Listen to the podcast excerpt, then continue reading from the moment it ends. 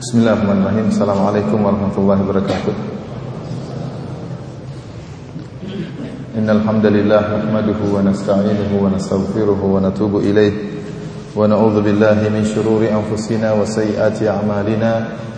Man yahdihillahu fala mudilla lahu wa man yudlil fala hadiya lahu. Asyhadu an la ilaha illallah wahdahu la syarika lah wa asyhadu anna Muhammadan 'abduhu wa rasuluhu la nabiyya ba'dahu. يا أيها الذين آمنوا اتقوا الله حق تقاته ولا تموتن إلا وأنتم مسلمون. يا أيها الناس اتقوا ربكم الذي خلقكم من نفس واحدة وخلق منها زوجها وبث منهما رجالا كثيرا ونساء. واتقوا الله الذي تساءلون به والأرحام. إن الله كان عليكم رقيبا. يا أيها الذين آمنوا اتقوا الله وقولوا قولا سديدا. يصلح لكم أعمالكم ويغفر لكم ذنوبكم. ومن يطع الله ورسوله فقد فاز فوزا عظيما. أما بعد فإن أصدق الحديث كتاب الله وخير الهدى هدى محمد صلى الله عليه وسلم. وشر الأمور محدثاتها فإن كل محدثة بدعة وكل بدعة ضلالة وكل ضلالة في النار. Ikhwani fillah wa akhwati fid din azani Allah wa iyyakum para hadirin hadirat yang dirahmati oleh Allah Subhanahu wa taala. Pada pertemuan kemarin kita telah uh, sampai tentang pembagian sifat.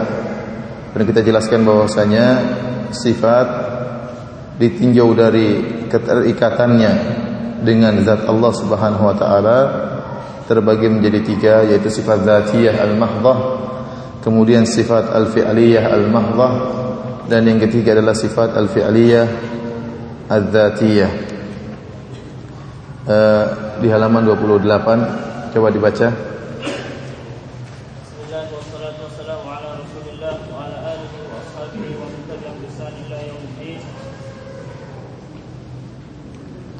قال الأستاذ حفظه, حفظه الله القسم الثالث الصفات الفعلية الذاتية وهي التي لا تنفك عن الذات باعتبار نوعها وتتعلق بمشيئته وتعالى باعتبار آحادها.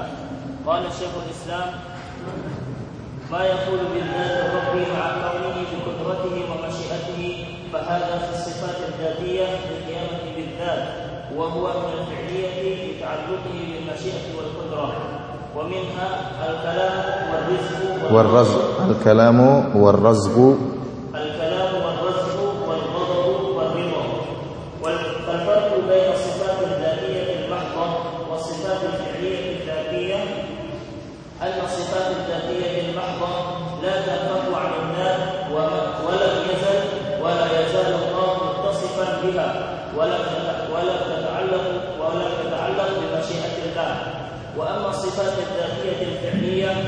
فيمكن أن تنفك عن الذات باعتبار آحادها على معنى أن الله إذا شاء لم يفعلها.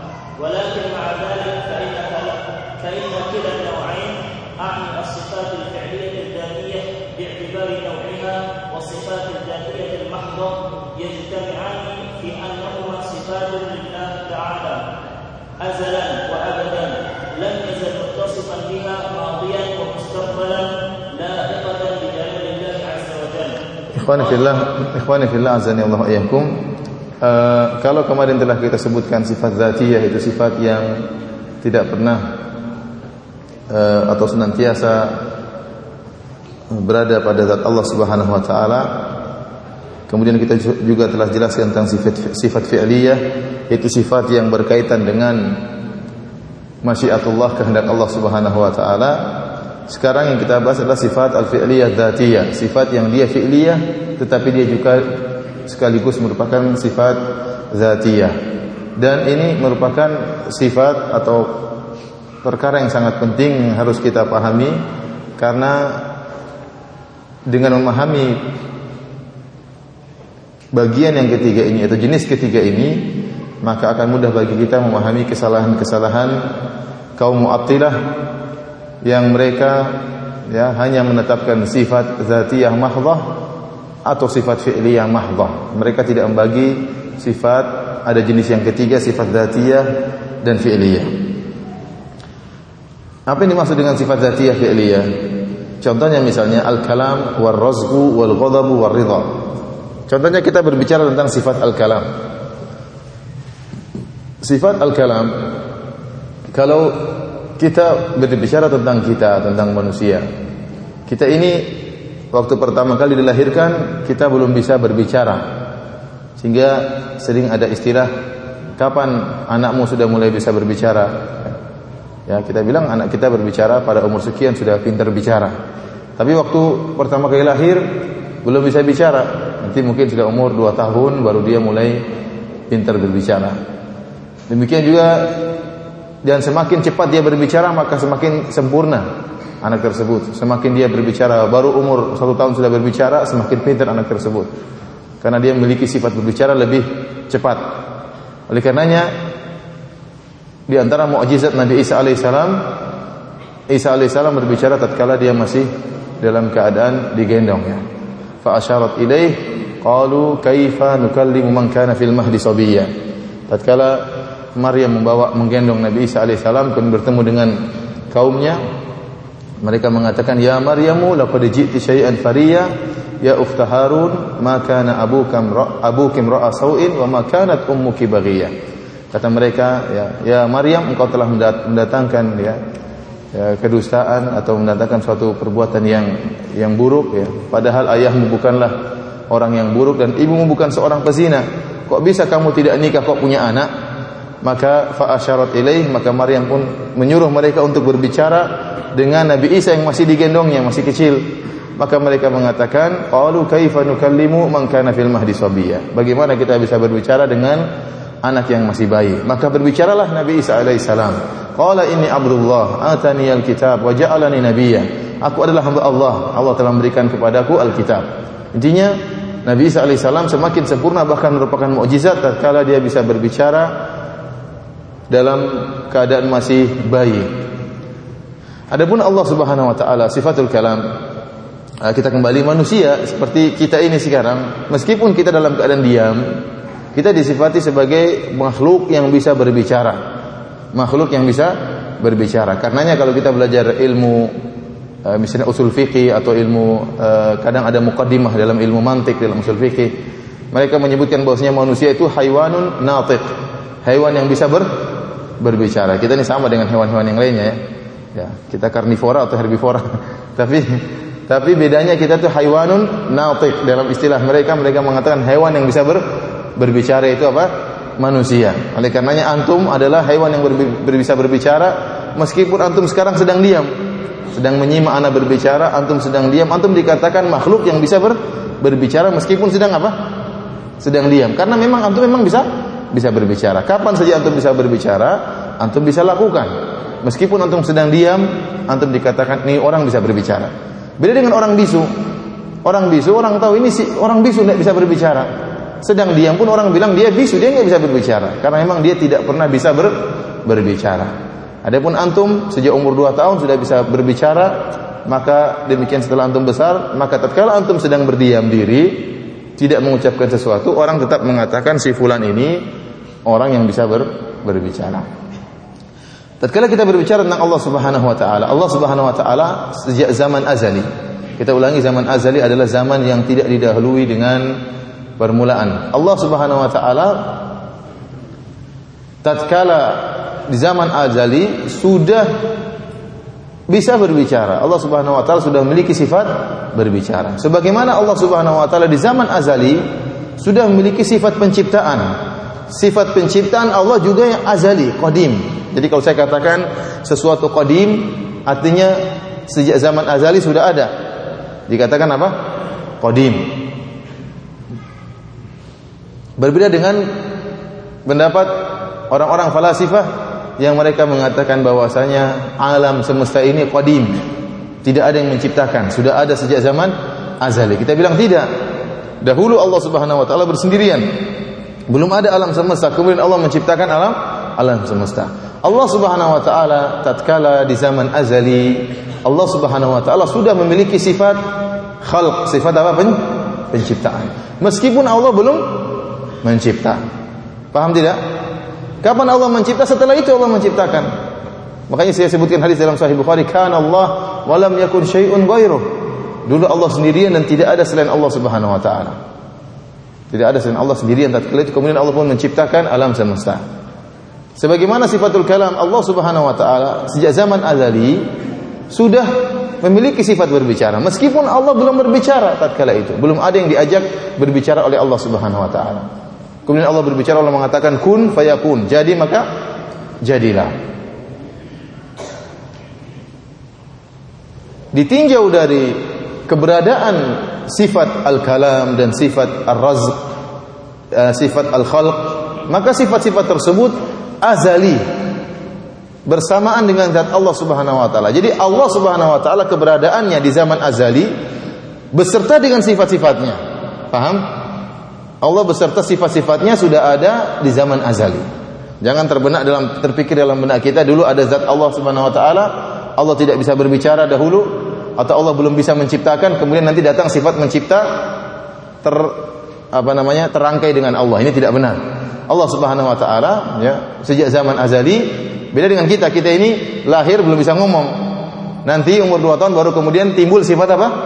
Sifat ngomong yang tadinya belum bisa ngomong terus bisa bisa berbicara setelah umur berapa tahun dua tahun namun sejak kita lahir kita belum bisa belum bisa berbicara bahkan belum bisa mendengar bahkan belum bisa melihat Ya bayi itu baru lahir belum bisa melihat. Nanti setelah berapa waktu baru kemudian berapa bulan baru kemudian bisa melihat, baru kemudian bisa mendengar. Setelah dua tahun baru kemudian bisa berbicara. Adapun Allah Subhanahu Wa Taala sifat Allah sifat dzatiyah. Allah Subhanahu Wa Taala zatnya berada di zaman azali beserta sifat-sifatnya di antara sifat khalq penciptaan. Meskipun Allah belum mencipta. Sifat berbicara juga ada bersama Allah Subhanahu wa taala di zaman azali meskipun Allah belum berbicara. Paham? Kapan Allah berbicara? Setelah itu Allah berbicara. Allah bilang kun fayakun. Allah bicara dengan Nabi Musa. Allah berbicara dengan Nabi Shallallahu Alaihi Wasallam. Allah berbicara dengan Nabi Isa alaihissalam. Allah juga mencipta setelah itu. Karenanya ditinjau dari asal sifat-sifat tersebut, maka sifatul kalam dan sifatul razq dan sifatul khalq, ya, ini semua sifat zatiyah. Karena sudah ada sejak zaman azali. Dan akan tetapi ditinjau dari praktek dari sifat-sifat tersebut, penerapan sifat-sifat tersebut, maka dia fi'liyah. Karena dia berkaitan dengan kehendak Allah Subhanahu wa taala. Kapan Allah ingin menciptakan, baru Allah men menciptakan. Paham? Kapan Allah mau berbicara, baru Allah ber berbicara. Al-Qur'an tidak ada di zaman azali. Al-Quran baru ada tatkala Allah berbicara dengan Al-Quran kapan? Tatkala ada Nabi Muhammad sallallahu alaihi wasallam baru Allah berbicara dengan Al-Quran. Taurat belum ada di zaman azali. Kapan ada Taurat? Tatkala Allah Subhanahu wa taala berbicara dengan Nabi Musa dengan Taurat. Injil juga belum ada di zaman azali. Kapan Allah Subhanahu wa taala berbicara dengan Injil? Tatkala ada Nabi Isa alaihissalam. Akan tetapi sifat bicara Allah adalah sifat azali sifat mencipta juga sifat azali. Kapan Allah menciptakan antum ya baru-baru saja. 100 tahun yang lalu antum belum belum ada. Ya. Belum ada antum, antum baru diciptakan baru-baru saja. Kapan Allah menciptakannya? Tatkala menciptakan antum. Karenanya dari sini kita pahami sifat al-khalq dan sifatul kalam ditinjau dari ditinjau dari asal sifat tersebut artinya apa kemampuan Allah untuk mencipta dan kemampuan Allah untuk berbicara itu sifat zatiyah. Paham tidak? Paham ya? Kemampuan Allah berbicara dan kemampuan Allah untuk menciptakan sudah ada di zaman azali bersama adanya zat Allah Subhanahu wa taala. Akan tapi prakteknya itu baru belakangan. Terserah Allah kapan Allah berbicara Allah berbicara, kapan Allah menciptakan Allah menciptakan, kapan Allah tidak mencipta Allah tidak mencipta. Dari sini sifat ini, sifat-sifat yang seperti ini itu bisa ditinjau dari dua sisi. Ditinjau dari sisi asal sifat-sifat tersebut maka dia sifat zatiyah. Tetapi ditinjau dari penerapan dari ahad dari penerapan sifat-sifat tersebut maka dia fi'liyah karena berkaitan dengan kehendak Allah Subhanahu wa taala berbeda dengan sifat uh, zatiyah al-mahdhah kalau sifat zatiyah al-mahdhah misalnya tangan Allah Subhanahu wa taala ya maka begitu-begitu saja tidak ada eh, wajah Allah Subhanahu wa taala, zat Allah Subhanahu wa taala, maka tidak berkaitan dengan apa? tidak berkaitan dengan kehendak Allah Subhanahu wa taala. Kita tidak mengatakan kapan Allah berkehendak Allah punya wajah dan kapan Allah berkehendak Allah tidak punya wajah, tidak bisa. Beda dengan sifatul kalam. Sifatul kalam kapan Allah berkehendak Allah berbicara, kapan Allah tidak berkehendak Allah tidak ber, berbicara. Akan tapi kemampuan berbicara Allah sudah ada sejak zaman azali. Paham ini? Qala Imam Tahawi. Kalau ada garis begitu bacanya rahimahullah. Ya. Itu karena nggak kelihatan di komputer, Bang.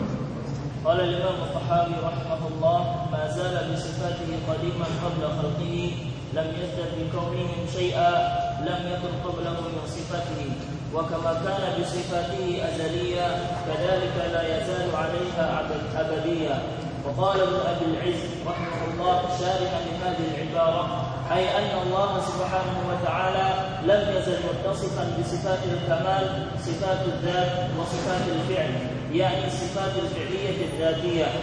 ولا يجوز أن يعتقد أن يعتقد. أن يعتقد أن الله وصف بصفة بصفة بعد أن لم يكن متصفا بها لأن صفاته سبحانه صفات كمال وفقدها صفة نقص ولا وفقدها صفة نقص ولا يجوز أن يكون قد حصل له الكمال بعد أن كان متصفا بضده Al-Imam Tahawi rahimahullah salah seorang ulama besar dari madhab uh, Al-Hanafi ya. Kalau tidak salah di abad ketiga atau abad keempat ya. Beliau berkata, "Mazala bi sifatihi qadiman qabla khalqihi." Allah Subhanahu wa taala zatnya dan sifatnya qadim sebelum Allah menciptakan sesuatu. Jadi keberadaan Allah Subhanahu wa taala qadim. Nanti akan saya jelaskan bahwasanya Adapun ahlul bidah mereka punya gambaran yang ngawur. Mereka menggambarkan bahwasanya zat dan sifat terpisah. Kata mereka sifat Allah itu qadim. Ya, sifat Allah qadim. Kemudian uh, zat Allah itu qadim. Kemudian ada sifat Allah Subhanahu wa taala baru kemudian dirangkai antara zat dengan dengan sifat. Kalau kita bilang kata mereka kalau kita mengatakan Allah punya sifat berarti kita merangkai sifat dengan zat dan ini tidak diperbolehkan. Adapun ahlu sunnah wal jamaah kita meyakini Allah di zaman azali berada dengan sifat-sifatnya. Jadi zat Allah tidak tidak ada juga namanya zat tanpa sifat. Ini nggak masuk akal. Namanya zat disertai dengan apa? Dengan sifat. Tidak ada sifat tanpa apa? Tanpa zat. Ini nggak mungkin ada sifat tanpa tanpa zatnya. Kita bilang dingin, panas. Contohnya sifat ya, sifat yang ada di bumi. Ada dingin, ada panas. Ya tidak mungkin dingin berdiri sendiri. Dia pasti ada zatnya sehingga bisa terasa dingin atau terasa rasa panas, entah dengan partikel, entah dengan angin, entah dengan apa. Intinya zat Allah dan sifat Allah Subhanahu wa taala sudah berada di zaman azali, sebelum Allah mencipta. Kemudian kata beliau, lam yazdad kaunihim syai'an lam yakun qablahum min sifatihi. Tidak ada penambahan pada sifat Allah Subhanahu wa taala. Sama saja sebelum adanya makhluk ataupun sesudahnya adanya mah makhluk, tidak ada sifat yang baru. Jadi sifat-sifat Allah yang ada pada Allah itu zatiyah. Bukan berarti setelah sebelumnya sebelum Allah mencipta Allah punya sifat lima. Setelah Allah mencipta Allah punya sifat tujuh. Ini nggak ada seperti ini. Sebelum Allah mencipta dan sudah Allah mencipta, misalnya sifatnya lima tetap aja li, lima. Paham? Makanya Kama kana bi sifati azaliyan, kadzalika la yazalu alaihi abadiyan. Sebagaimana Allah Subhanahu wa taala ya, sifatnya azali. Zat dan sifatnya azali, demikian juga akan senantiasa demikian abadi. Tidak akan pernah perubahan, tidak ada penambahan sifat yang sebelumnya Allah tidak memiliki sifat sifat tersebut. Al-Imam Ibnu Abi Dhar Nabi rahimahullah menjelaskan maksud dari perkataan At-Tahawi ay anna Allah Subhanahu wa taala lam yazal muttasifan bi sifatil kamal, sifatil dzat wa sifatil fi'l. Sekarang kita bilang Allah Maha sempurna. Allah Maha sempurna tatkala Allah di zaman azali, zaman yang tidak didoi dengan permulaan. Saya khawatir salah paham. Nanti kalau kita bilang zaman azali seakan-akan saya bilang sejak zaman azali seakan-akan zaman itu didahului dengan apa? Permulaan. Jadi kalau saya bilang azali maksudnya apa? Zaman yang tidak didahului dengan apa? Per permulaan. Allah Subhanahu wa taala di zaman azali Allah Subhanahu wa taala sudah memiliki sifat yang sempurna. Sebelum Allah menciptakan, sebut tatkala Allah masih sendirian, Allah sudah memiliki sifat-sifat yang yang sempurna. Kemudian Allah menciptakan. Setelah Allah menciptakan, sifat-sifat Allah tetap saja sempurna sebagaimana sebelumnya. Kalau kita bilang ada sifat yang baru muncul setelah Allah menciptakan, berarti sebelumnya Allah tidak sem sempurna. Dia baru sempurna setelah men menciptakan. Ini salah. Ya. Saya ulangi Allah Subhanahu wa taala sebelum menciptakan sudah sempurna dengan sifat-sifatnya. Tatkala Allah sendirian di zaman azali, Allah sudah sempurna dengan sifat-sifatnya. Sifatul khalq sudah ada, mencipta, sifatul kalam sudah ada, sifat-sifat yang sudah ada. Setelah Allah menciptakan sifat-sifat tersebut tidak ada perubahan. Itu juga sifat-sifatnya karena Allah sudah sempurna sebelum menciptakan, sebelum ada manusia, sebelum ada alam semesta. Kalau kita mengatakan Allah baru memiliki sifat yang baru, baru dikatakan Allah itu pencipta setelah ada pencipta, kita bilang Allah pencipta sebelum ada pencipta. Allah maha berbicara sebelum ada yang diajak berbicara. Paham? Karena sebagian al bidah mengatakan Allah baru dikatakan pencipta setelah ada makhluk. Kita bilang kalau begitu ceritanya berarti kesempurnaan itu datang belakangan setelah ada makhluk. Berarti sebelumnya Allah tidak sem sempurna. Paham? Paham atau tidak? Hmm. Baik, sifatullah صفات الله ثابتة أزلا وأبدا ولا يتجدد سواء كانت صفات الذات والأمر فيها واضح أو الصفات الفعلية الذاتية باعتبار نوعها أما باعتبار آحادها فهي تتجدد حسب مشيئة الله ولا يقال فيه إنه تعالى متصف بها بعد أن كان فاقدا لها. Oleh karenanya sifat Allah Subhanahu wa taala azali dan abadi, azali dan abadi. Tidak ada perubahan dalam sifat Allah Subhanahu wa taala. Sifat zatiyah ya tidak ada ya namanya sifat wajah, sifat tangan sejak zaman abalis azali juga sudah sudah ada, bukan sifat yang baru. Demikian juga sifat yang zatiyah fi'liyah. Sifat sifatul kalam, sifatul uh, khalq itu juga sudah ada di zaman azali. Adapun yang berkaitan dengan penerapan ini memang yang berubah-ubah. Ya. Yang dia merupakan penerapan dari sifat Allah yang zatiyah tadi. Kapan Allah berbicara, kapan Allah diam, Allah berbicara dengan apa, Allah berbicara kepada siapa, apa yang dibicarakan oleh Allah Subhanahu wa taala, maka ini memang suatu yang baru. Yang berkaitan dengan apa? Dengan yang berkaitan dengan kehendak Allah Subhanahu wa taala. Inilah yang di yang ditolak oleh ahlul bidah. Mereka tidak mau ada namanya penerapan dari sifat zatiyah tadi. Kalau kita meyakini ahlu sunnah, ada sifat zatiyah Allah itu apa? Sifatul kalam dan sifatul khalq mencipta. Adapun yang baru menurut kita, yang menurut kita baru adalah bentuk penerapan pembicaraan tersebut. Allah bicara kepada siapa? Pembicaraan Allah itu apa? Kapan Allah berbicara? Ini memang suatu yang suatu yang baru. Justru ini yang merupakan kesempurnaan sifatul kalam. Paham? Tatkala Allah bisa berbicara kepada siapa Allah kehendaki, dengan pembicaraan apa yang Allah inginkan, kapan Allah kehendaki, ini justru menunjukkan sempurnanya sifatul kalam. Yang sifatul kalam ini adalah sifat zatiyah ditinjau dari asal sifat tersebut. Adapun penerapannya maka dia fi'liyah karena berkaitan dengan kehendak Allah Subhanahu wa taala. Penerapannya ini yang ditolak oleh ahlul bidah, mereka mengatakan kalau kita mengatakan Allah bisa berbicara dengan apa yang Allah kehendaki, kapan Allah kehendaki, dengan siapa Allah kehendaki, berarti ada sesuatu yang baru pada Allah dan ini tidak boleh dalam zat Allah. Tidak ada sesuatu yang baru kepada Allah Subhanahu wa taala.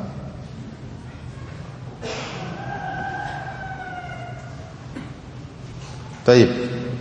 Halaman 31. Sekarang pembahasan kita tentang taksimus sifat ila dzatiyah wal fa'liyah wal fi'liyah indal mu'attilah. Ternyata kita dapati ahlul bidah dari kalangan mu'attilah baik al-mu'tazilah maupun al-asy'ariyah maupun al-maturidiyah mereka juga membagi sifat menjadi dua, sifat fi'liyah dan sifat apa? Zatiyah. Sifat fi'liyah dan sifat zatiyah.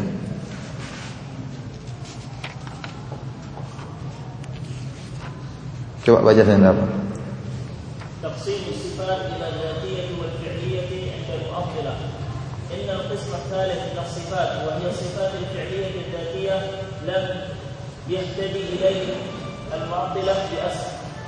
بأسرهم. بأسرهم. فإنهم قسموا الصفات تقسيما ثنائيا Sunaiyan. ثنائيا. فقط. صفات الذات ويريدون بذلك الصفات الذاتية المحضة. وصفات الفعل ويريدون بذلك الصفات الفعلية المحضة. وذلك لإنكارهم. قيام الصفات الاخت- اخت- الاختيارية آه، متعلقة. المتعلقة بمشيئة الله بذات بذات الباري كما سيأتي التفصيل في ذلك إن شاء الله Adapun jenis ketiga yang kita sebutkan tadi sifat zatiyah fi'liyah, maka tidak ada ahlul bidah yang menetapkan jenis yang ini. Mereka hanya dua, sifat zatiyah dan sifat apa? Fi'liyah. Kenapa mereka mengingkari sifat zatiyah fi'liyah? Karena mereka mengingkari kalau ada sesuatu yang baru yang berkaitan dengan zat Allah Subhanahu wa taala. Kita bilang ada sesuatu yang baru yang berkaitan dengan zat Allah bukan ditinjau dari asal adanya sifat tersebut. Asal adanya sifat tersebut tidak ada yang baru azali. Paham? Yang baru adalah penerapan dari apa? Dari sifat tersebut. Paham? Yang baru adalah penerapan dari sifat tadi. Sifat berbicaranya Allah zatiyah, tidak ada yang baru. Ini kodim, sama seperti zat Allah. Tetapi praktek dan penerapan sifatul kalam itulah yang yang baru. Kapan Allah berbicara dengan siapa, apa yang Allah bicarakan, ini suatu yang baru. Sebagaimana penciptaan. Allah mencipta, kita bilang eh, penciptaan Allah Subhanahu wa taala asal penciptaannya azali. Tetapi praktek penerapan penciptaan tersebut berkaitan dengan sesuatu yang baru yang tadinya antum belum diciptakan dulu tidak ada di zaman azali. Antum ada di zaman azali enggak? Enggak ada. Kapan baru diciptakan? Baru-baru saja. Baru-baru saja. Ya, ber- berapa ukuran antum itu juga baru. Ukuran antum ya. Besar antum, berat antum ya. Ini semuanya perkara yang baru yang belum ada dalam penciptaan Allah. Allah baru ciptakan baru-baru saja, paham? Justru inilah yang menunjukkan kesempurnaan sifat Allah Subhanahu wa taala karena Allah bisa uh, uh, melakukan, menerapkan menerapkan sifat-sifat tersebut sebagaimana Allah kehendaki. Mereka tidak mau seperti kata mereka tidak mungkin seperti ini. Kalau antum bilang Allah ada sesuatu yang baru berkaitan dengan zat Allah berarti Allah hadis, Allah makhluk juga kalau begitu. Kalau gitu tidak ada sifat jenis ketiga sifat zatiyah fi'liyah itu tidak tidak ada kata mereka. Baik, baca. وقد تنوعت واختلفت عبارات طوائف المعطلة المعتزلة والعشائرة والماتريد- والماتريدية في بيان الحد الفاصل بين صفات الذات وصفات الفعل. فلكل منهم عبارته ولكن عند إم- إمعان النظر نجد أن كلمتهم واحدة. فكلهم اتفقوا على أن صفات الذات أن صفات الذاتية anna sifatil dzat أن صفات الذات أن صفات الذات هي التي لا تنفك عن ذات الباري وأن صفات الفعل هي التي تنفك عن ذات الباري eh, ternyata mereka membagi sifat zatiyah dan sifat fi'liyah. Dan masing-masing punya definisi sendiri-sendiri dalam mendefi- dalam dalam mendefinisikan sifat zat, sifat zatiyah dan dalam mendefi- dan dalam mendefinisikan sifat fi'liyah antara Mu'tazilah dan Asy'ariyah dan Maturidiyah ada perbedaan cara mengungkap. Masing-masing punya cara mengungkap yang berbeda-beda akan tapi kesimpulannya sama saja. Setelah kita perhatikan, setelah kita baca tafsir atau ta'rif definisi dari masing-masing kelompok ahlul bidah tersebut, kita dapati tujuan mereka sama. Yang dimaksud dengan sifat zat adalah sifat yang tidak pernah terlepas dari zat Allah Subhanahu wa taala. Adapun yang dimaksud dengan sifat fi'liyah adalah sifat yang berkaitan dengan kehendak Allah Subhanahu wa taala terkadang dikerjakan terkadang tidak di dikerjakan. Di sini saya sebutkan tentang perkataan e, mereka ya. Coba kita baca nak apa falhadul fasil fasil sifat wa sifat fi'liyah al-asyairah kama al-Baqlani al-Baqillani al-Baqillani qa'il ففصلوا لي صفات ذات- ذاته من صفات أفعاله. لأع- li'a'rifa dhalik. لأعرف ذلك. قيل له صفات ذاته هي التي لم, لم يزل ولا يزال موصوفا بها وهي الحياة والعلم والقدرة والسمع والبصر والكلام والإرادة والبقاء والوجه والعينان واليدان والغضب والرضا وهما Sekarang ini kita bicara tentang ta'rif yang diuraikan oleh Al-Baqillani salah seorang dari pengikut mazhab Asy'ariyah tetapi dia termasuk dari Asy'ariyah al-mutaqaddimun, Asy'ariyah pemula, bukan Asy'ariyah yang terakhir ya. Dia mengatakan, jika ada yang berkata, "Tolong terangkan kepadaku tentang sifat-sifat zatiyah dan juga sifat-sifat fi'liyah agar saya memahami hal ini." Qila lahu, maka katakan kepada dia. Ini kata siapa? Al-Baqillani. Ya Al-Baqillani di sini uh, wafat pada tahun 403 Hijriah, itu pada abad kelima. Dia katakan qila lahu, katakan kepadanya, Sifatu dzatihi hiya allati lam yazal wa la yazalu mausufan biha. Sifat zat adalah sifat yang di mana Allah Subhanahu wa taala senantiasa di zaman azali dan abadi senantiasa memiliki sifat tersebut. Kemudian dia sebutkan contohnya. Antum perhatikan sini. Dia mengatakan apa contohnya? Al hayat. Al hayat sifat zati atau fi'liyah? Hah? Zatiyah. Enggak mungkin antum bilang terkadang Allah hidup, terkadang Allah tidak hidup. Enggak mungkin. Allah senantiasa apa? Hayat. Al hayat, al ilm. Demikian juga al ilm. Dan mungkin Allah antum mengatakan Allah terkadang berilmu, terkadang tidak berilmu. Al-qudrah, as-sama pendengaran, al-basar penglihatan, al-kalam berbicara, al-iradah, al-baqa, al-wajh. Wajah juga sifat apa? Zatiyah. Al-ainan, dua mata juga merupakan sifat zatiyah. Al-yadan, dua tangan. Antum bayangkan ini asyairah zaman dulu. Mereka menetapkan wajah, menetapkan dua tangan dan juga menetapkan apa? Dua mata. Paham? Berbeda dengan Asy'ariyah zaman sekarang. Adapun sifatul fi'liyah kata dia contohnya seperti al-khalq, ar-raz, mencipta, memberi rezeki dan selanjutnya memberi apa namanya memberi an, uh, anugerah kepada manusia maka ini sifatul fi'il kadang Allah berikan terkadang Allah tidak berikan. Kadang, kadang Allah memberi rezeki kadang Allah tidak kadang Allah menahan rezeki. Wal farqu baina hadain nau'ain min sifati min, min sifat wujuhun. Sekarang Razi apa kata Razi? Qala Razi. Qala Razi wal farqu baina hadain أحدها أن صفات الذات أزلية وصفات الفعل ليست كذلك وثانية وثانيها أن صفات الذات لا يمكن أن تصدق نقائضها في شيء من الأوقات Demikian juga Ar-Razi. Ar-Razi adalah dari Asy'ariyah al-mutaakhirin. Ar-Razi ini adalah bosnya Asy'ariyah ya. Razi ini kalau tidak salah abad ke-6 atau abad ke-7 yang beliau ini puncak-puncaknya paling hebatnya Asy'ariyah. Bahkan disebutkan dia lebih hebat daripada Asy'ariyah sebelumnya dan tidak ada Asy'ariyah sesudahnya yang bisa datang seperti Ar-Razi. Karena dia telah membaca banyak buku falasifah buku-buku filsafat, kemudian buat syubhat ya. ya sampai-sampai e, menulis buku seperti Asasut Taqdis yang isinya syubhat yang isinya menolak sifat dan isinya mentakwil sifat. Yang buku Ar-Razi Asasut Taqdis inilah yang dibantah oleh Al-Imam Ibn, Ibn Taimiyah rahimahullah dalam kitabnya Bayan Talbisil Jahmiyah. Bayan Talbisil Jahmiyah.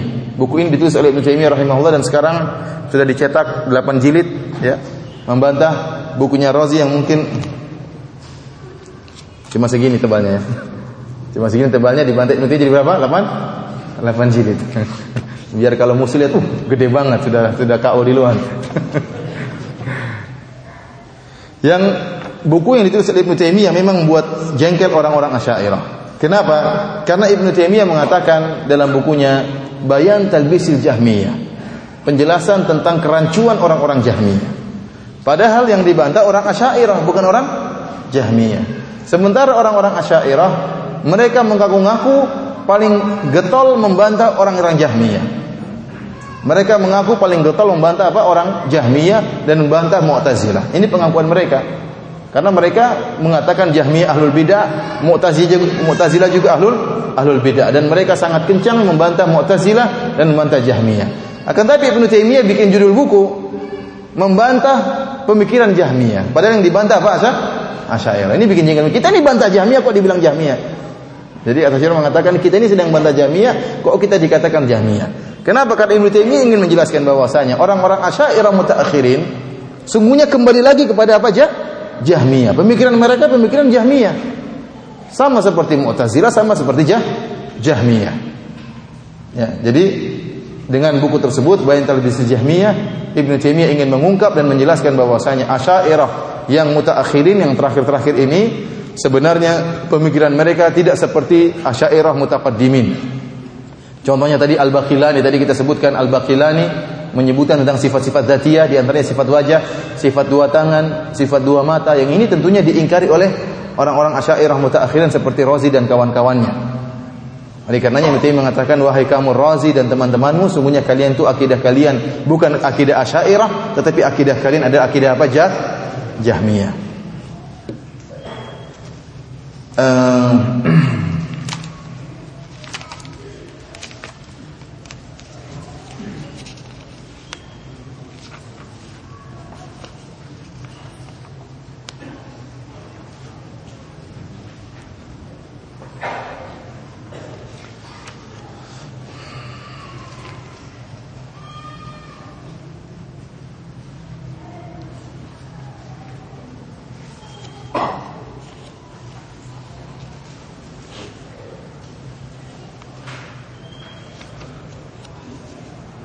Halaman 41 coba.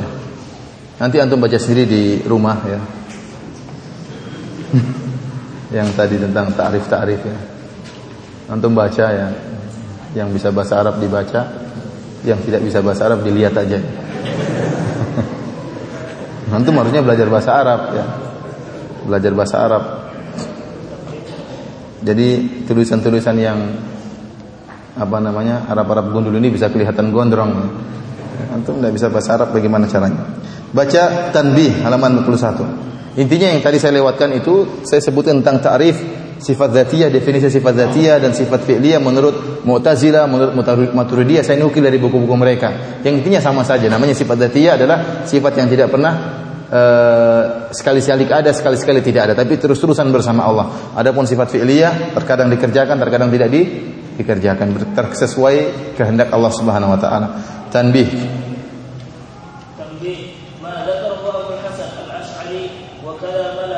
Mulla, Mulla Ali Al-Qari. Mulla itu kalau bahasa sana artinya tuan guru. Artinya apa? Tuan guru. Antum jangan baca malla, antum baca mulla. Artinya apa tuan? Tuan guru ya. Tuan guru Ali Al-Qari ya. وكذا ملا علي القارئ من تفريق المعتزلة بين الصفات الذاتية والصفات الفعلية قد يفهم منه أن المعتزلة يثبتون الصفات والمعروف أنهم أصلا لم يثبتوا شيئا من صفاته وإنما أثبتوا الأسماء. هذا هو المعروف. ولا غرابة في ولا غرابة ولا غرابة في وجود تقسيم الصفات عند الأشاعرة والماتريدية فإنهم أثبتوا بعض الصفات دون دون بعض. لذلك سموا صفاتية صفاتية بهذا الاعتبار. وإنما الغرابة في شأن المعتزلة الذين مذهبهم المشهور نفي جميع الصفات كيف يقسمون الصفات إلى الذاتية والفعلية Sekarang ada pertanyaan yang cukup menganehkan ya. Karena kita tahu Mu'tazilah menolak seluruh sifat. Adapun Asy'ariyah dan Maturidiyah mereka menetapkan sebagian sifat dan menolak kebanyakan sifat. Asy'ariyah menetapkan tujuh sifat. Sisanya ditolak. Adapun dan semua yang ditetapkan oleh Asy'ariyah sifat zatiyah. Sifat fi'liyah semuanya ditolak atau ditakwil. Demikian juga Maturidiyah. Maturidiyah juga membagi sifat menjadi sifat zatiyah, sifat fi'liyah. Sifat zatiyah dia tetapkan ada delapan. Sama seperti Asy'ariyah tujuh ditambah satu sifat yang kedelapan namanya sifat at-takwin. Nanti kita jelaskan insyaallah. Kemudian sisanya dia dia tolak. Sehingga dia perlu membagi antara sifat zatiyah, sifat fi'liyah. Agar sifat zatiyah dia tetapkan, sifat fi'liyah untuk dia toh tolak. Paham? Jadi tidak heran kalau mereka membagi sifat menjadi dua, Asy'ariyah dan Maturidiyah. Tidak heran kalau mereka membagi sifat menjadi sifat dzatiyah dan sifat fi'liyah karena mereka membagi untuk mereka tetapkan sifat dzatiyah dan sifat fi'liyah untuk mereka toh tolak. Yang jadi masalah Mu'tazilah. Mu'tazilah itu menolak seluruh sifat. Mu'tazilah menolak seluruh sifat dan mereka meyakini bahwasanya Allah tidak punya tidak punya sifat. Karena kalau Allah punya sifat, katanya nanti ada syirik. Menetapkan sifat itu berarti apa? Musyrik. Siapa yang menetapkan sifat, dia musyrik katanya. Kok bisa demikian? Nanti kita bahas ya. Anehnya kok mereka membagi sifat menjadi sifat dzatiyah dan fi'liyah. Kok bisa dibagi? Sifat tidak ditetapkan, ngapain dibagi-bagi? Paham? Sifat tidak ditetapkan, ngapain dibagi-bagi? Ini jadi pertanyaan. Jawabannya mana jawabannya?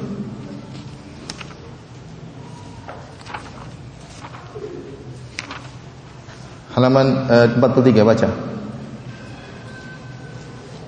لا شك ما نقله ابو الحسن الاشعري عن المعتزله ثابت لأنه من اعرف الناس بكلامهم وكتابه المقالات يعد من اهم المصادر لمعرفه عقائد المعتزله وقد ذكر رحمه الله في المقالات مذهب المعتزله المعروف في الصفات قال قال رحمه الله الحمد لله الذي بصرنا خطأ المخطئين وعم- وعمى.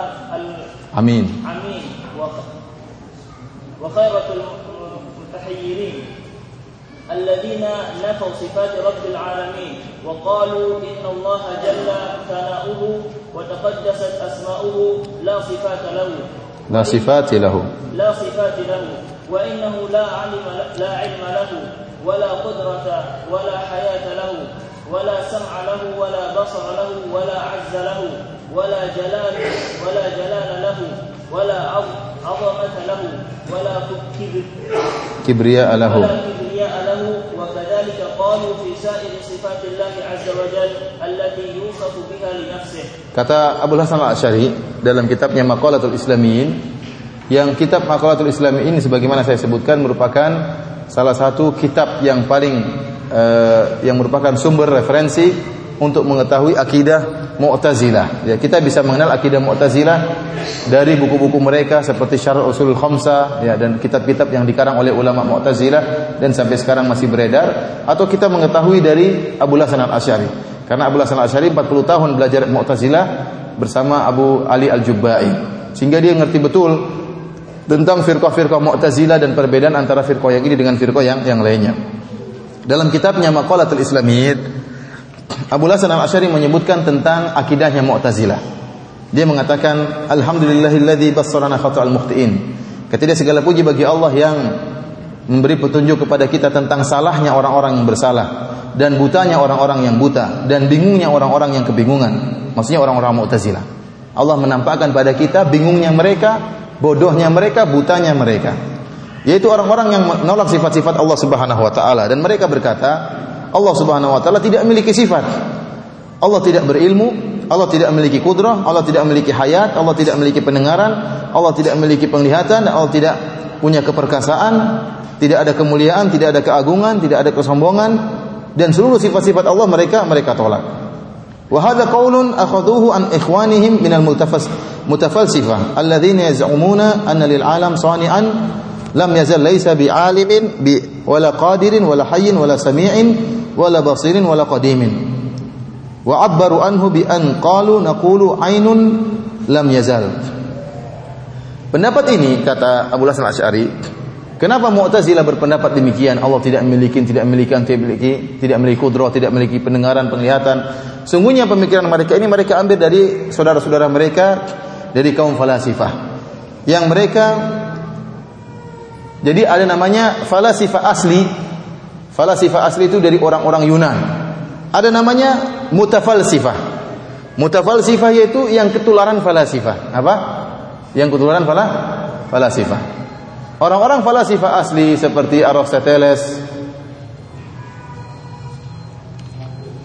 dan yang lainnya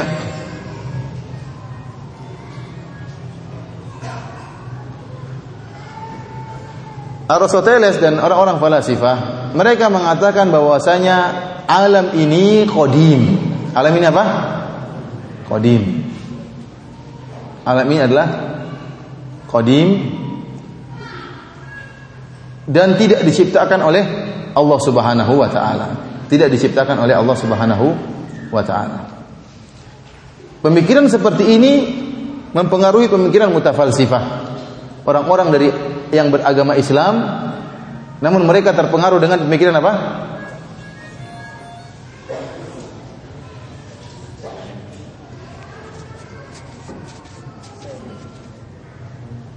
Mereka ini adalah orang-orang yang beragama Islam atau mengaku beragama Islam akan tapi mereka terpengaruh dengan pemikiran falasifah.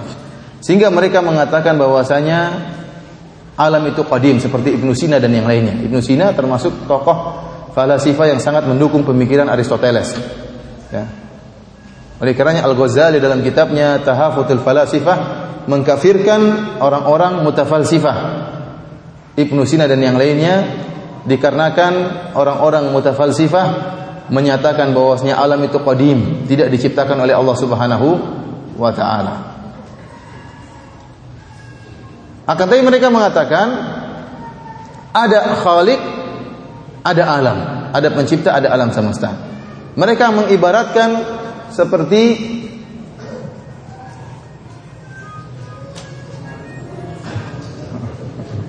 pelan-pelan saja.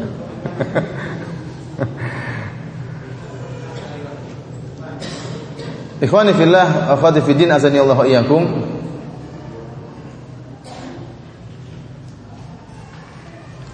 Uh, mereka mengatakan bahwasanya alam itu qadim, alam itu tidak diciptakan oleh Allah Subhanahu wa taala sebagaimana Allah menciptakan kita, tapi mereka mengatakan alam itu qadim, mereka gambarkan seperti apa? Mereka mengatakan namanya illatun tamah, antara illah dan ma'lul, hubungan antara illah dan ma'lul hubungannya tamah sempurna. Ada namanya ilah, ada namanya akibat, sebab dan akibat. Mereka mengatakan antara Allah dengan ini ini perkataan mutafalsifah yang mereka sebenarnya ingin mengatakan Allah tidak menciptakan. Cuma mereka mengungkapkan dengan bahasa yang halus. Kata mereka Allah menciptakan, tetapi alam itu juga kodim bersama Allah Subhanahu wa taala. Karena mereka menolak sifat-sifat pencipta. Bagaimana kata mereka? Hubungan antara Allah dengan alam itu adalah hubungan antara illah dengan ma'lul, antara sebab dan akibat, hubungan yang sempurna di mana ada illah pasti ada ada sebab pasti ada akibat. Di antara pas jika ada sebab pasti ada akibat. Contohnya seperti apa? Seperti seorang dengan bayangannya. Tatkala seorang di bawah matahari, otomatis yang nampak adalah orang tersebut dengan bayangannya. Bayangannya tadi tidak terlambat dengan orangnya. Bukan orangnya dulu baru kemudian muncul bayangannya. Tapi keberadaan orang tersebut langsung bersama dengan bayangannya. Sebagaimana matahari dengan sinar. Ada sumber matahari, ada sinar yang keluar yang ini tidak ada jeda waktu, tidak ada, tapi langsung matahari langsung beserta dengan apa? Dengan sinarnya. Kata mereka demikian juga. Allah Subhanahu wa taala berserta alam semesta seperti itu. Jadi Allah Subhanahu wa taala di alam di azali dulu langsung bersama apa?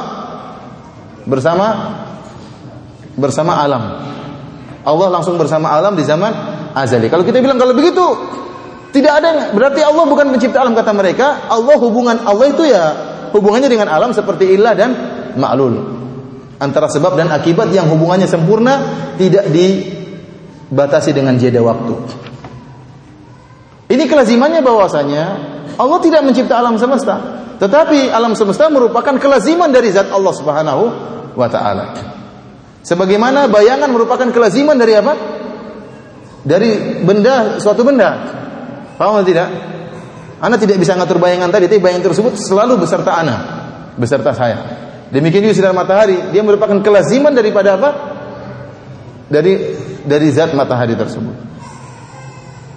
Sehingga pada dasarnya, makanya dikatakan sini, alladzina yaz'umuna anna lil alam sani'an lam yazal laysa bi'alimin wala qadirin wala hayyin wala sami'in wala basirin wala qadim akhbaru anhu bi an qalu ainun lam yazal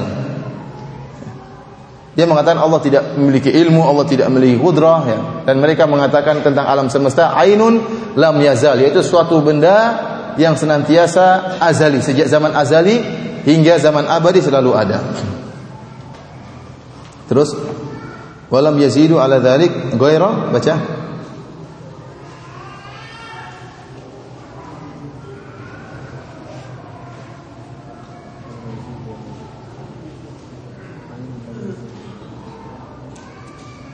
belum dapat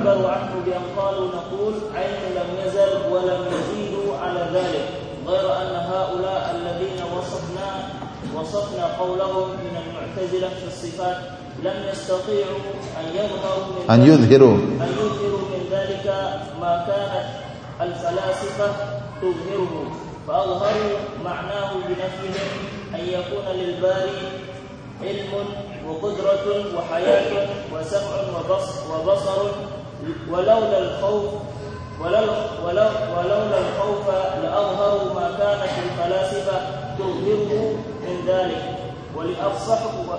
ولأفصحوا ولأفصحوا ولأفصحوا به غير أن خوف السيف يمنعهم من إظهار ذلك ثم شرع رحمه الله Adapun Mu'tazilah, mereka tidak berani mengatakan alam itu qadim. Ya, mereka tidak berani mengatakan demikian. Tapi mereka mengungkapkan dengan uh, tentang sifat-sifat Allah. Kalau alam itu qadim, berarti tidak ada campur tangan Allah dengan apa? Dengan alam. Paham tidak? Kalau alam itu qadim, tidak ada campur tangan Allah dengan alam. Ya. Tidak ada campur tangan Allah dengan dengan alam. Oleh karenanya mereka sebenarnya sepakat dengan pemahaman falasifah. Katanya mereka tidak berani terang-terangan mengatakan demikian kata Abu Hasan Asy'ari. Karena kalau mereka terang-terangan mengatakan alam itu qadim, Allah tidak punya apa namanya tidak menciptakan alam, alam bersama, berada bersama Allah sejak zaman azali, maka kemungkinan mereka akan dibunuh tatkala itu. Sehingga mereka mengungkapkan dengan ungkapan yang lain. Kata mereka memang Allah ini e, pencipta, tetapi Allah itu tidak punya ilmu, tidak punya kudro, tidak punya ini, tidak punya anu, tidak punya sifat. Ya bedanya dengan Tuhan yang falasifah. Apa bedanya Tuhanmu kalian Mu'tazilah dengan Tuhannya falasifah? Sama-sama tidak punya pengaruh terhadap penciptaan apa? Alam. Kelazimannya Tuhan tersebut tidak ada faedahnya. Karena kalau Tuhan mau menciptakan, minimal dia punya ilmu dan keku kekuatan, punya sifat ilmu dan sifat kudrah. Paham tidak? Antum kalau ingin membuat sesuatu, membuat suatu karya, antum punya ilmu dulu, paham apa yang antum buat dan antum punya kemampuan untuk apa? Membuat sesuatu tersebut. Tatkala antum tidak memiliki ilmu, tidak memiliki kudrah, apa yang mau antum buat? Menghayal saja tidak bisa, apalagi mau mau buat. Nah, kalau Tuhan tersebut tidak memiliki ilmu, tidak memiliki kudrah, ya sama dengan Tuhannya falasifah yang tidak bisa membuat alam. Alam tersebut hanya kelaziman dari kelaziman dari Tuhan tadi. Sebagaimana kelaziman bayangan terhadap bendanya, terhadap sinar matahari, terhadap zat matahari. Oleh karena sebenarnya akidah mereka sama karena mereka mengambil dari e, falasifah hanya saja mereka ragu-ragu untuk mengungkapkannya. Intinya orang-orang Mu'tazilah mereka menolak seluruh sifat-sifat Allah Subhanahu wa taala. Mereka menolak sifat-sifat Allah Subhanahu wa taala. Mereka hanya menetapkan nama-nama Allah Subhanahu wa taala. Beda dengan Jahmiyah, kalau Jahmiyah lebih jantan, Jahmiyah menolak seluruh sifat dan juga menolak menolak seluruh nama. Adapun Mu'tazilah mereka mengatakan sifat-sifat Allah tidak ada. Nama-nama Allah ada. Tetapi nama-nama Allah tersebut tidak bermakna. Saya ulangi, orang-orang Mu'tazilah mereka menetapkan nama-nama Allah akan tapi nama-nama Allah tersebut tidak bermakna. Artinya apa? Nama Allah ada Al-Alim, Al-Qadir, As-Sami, Al-Basir. Kata mereka Al-Alim ya maknanya Al-Qadir, Al-Qadir maknanya As-Sami, As-Sami maknanya Al-Basir, tidak ada bedanya. Maha, maha berilmu, maha mengetahui, itu maknanya semuanya sama. Maknanya sama dengan Allah. Al-Ghafur, Al-Qadir, As-Sami, Al-Basir sama dengan Allah. Tidak ada perbedaan antara As-Sami' dengan Al-Basir, enggak ada bedanya. Kalau kita yakin ada bedanya, As-Sami' Maha mendengar, Al-Basir Maha Maha melihat. Kenapa kalau mereka mengatakan As-Sami' maknanya berbeda dengan Al-Basir? Berarti mereka harus melazimkan menetapkan sifat-sifat bagi Allah Subhanahu wa taala. Kita mengatakan As-Sami' Maha mendengar, berarti Allah memiliki sifat apa? Mendengar. Al-Basir Allah Maha melihat, berarti Allah memiliki sifat apa? Melihat. Yang sifat As-Sami' berbeda dengan sifat Al Al-Basir. Berarti ada dua sifat. Orang-orang Mu'tazilah tidak mau mengatakan demikian. Kalau mereka mengatakan As-Sami maknanya beda dengan Al-Basir, berarti ada dua sifat dong kalau gitu. Padahal Allah tidak punya sifat. Kalau gitu As-Sami sama dengan Al-Basir, Al-Basir sama dengan Al-Ghafur, Al-Ghafur sama dengan Al-Qadir, Al-Qadir sama dan seterusnya sama dengan Allah Subhanahu wa taala. Paham sampai sini? Anak khawatir. khawatir antum tidak paham. Paham beneran ya? Yang jadi masalah, kok ada pembagian sifat menurut Mu'tazilah? Kita kembali kepada permasalahan kita. Tatkala Mu'tazilah membagi sifat menjadi sifat zatiyah, sifat fi'liyah, padahal mereka menolak sifat, kok bisa mereka membagi sifat? Ada dua kemungkinan disebut oleh para ulama. Coba halaman 47 baca. Baiklah.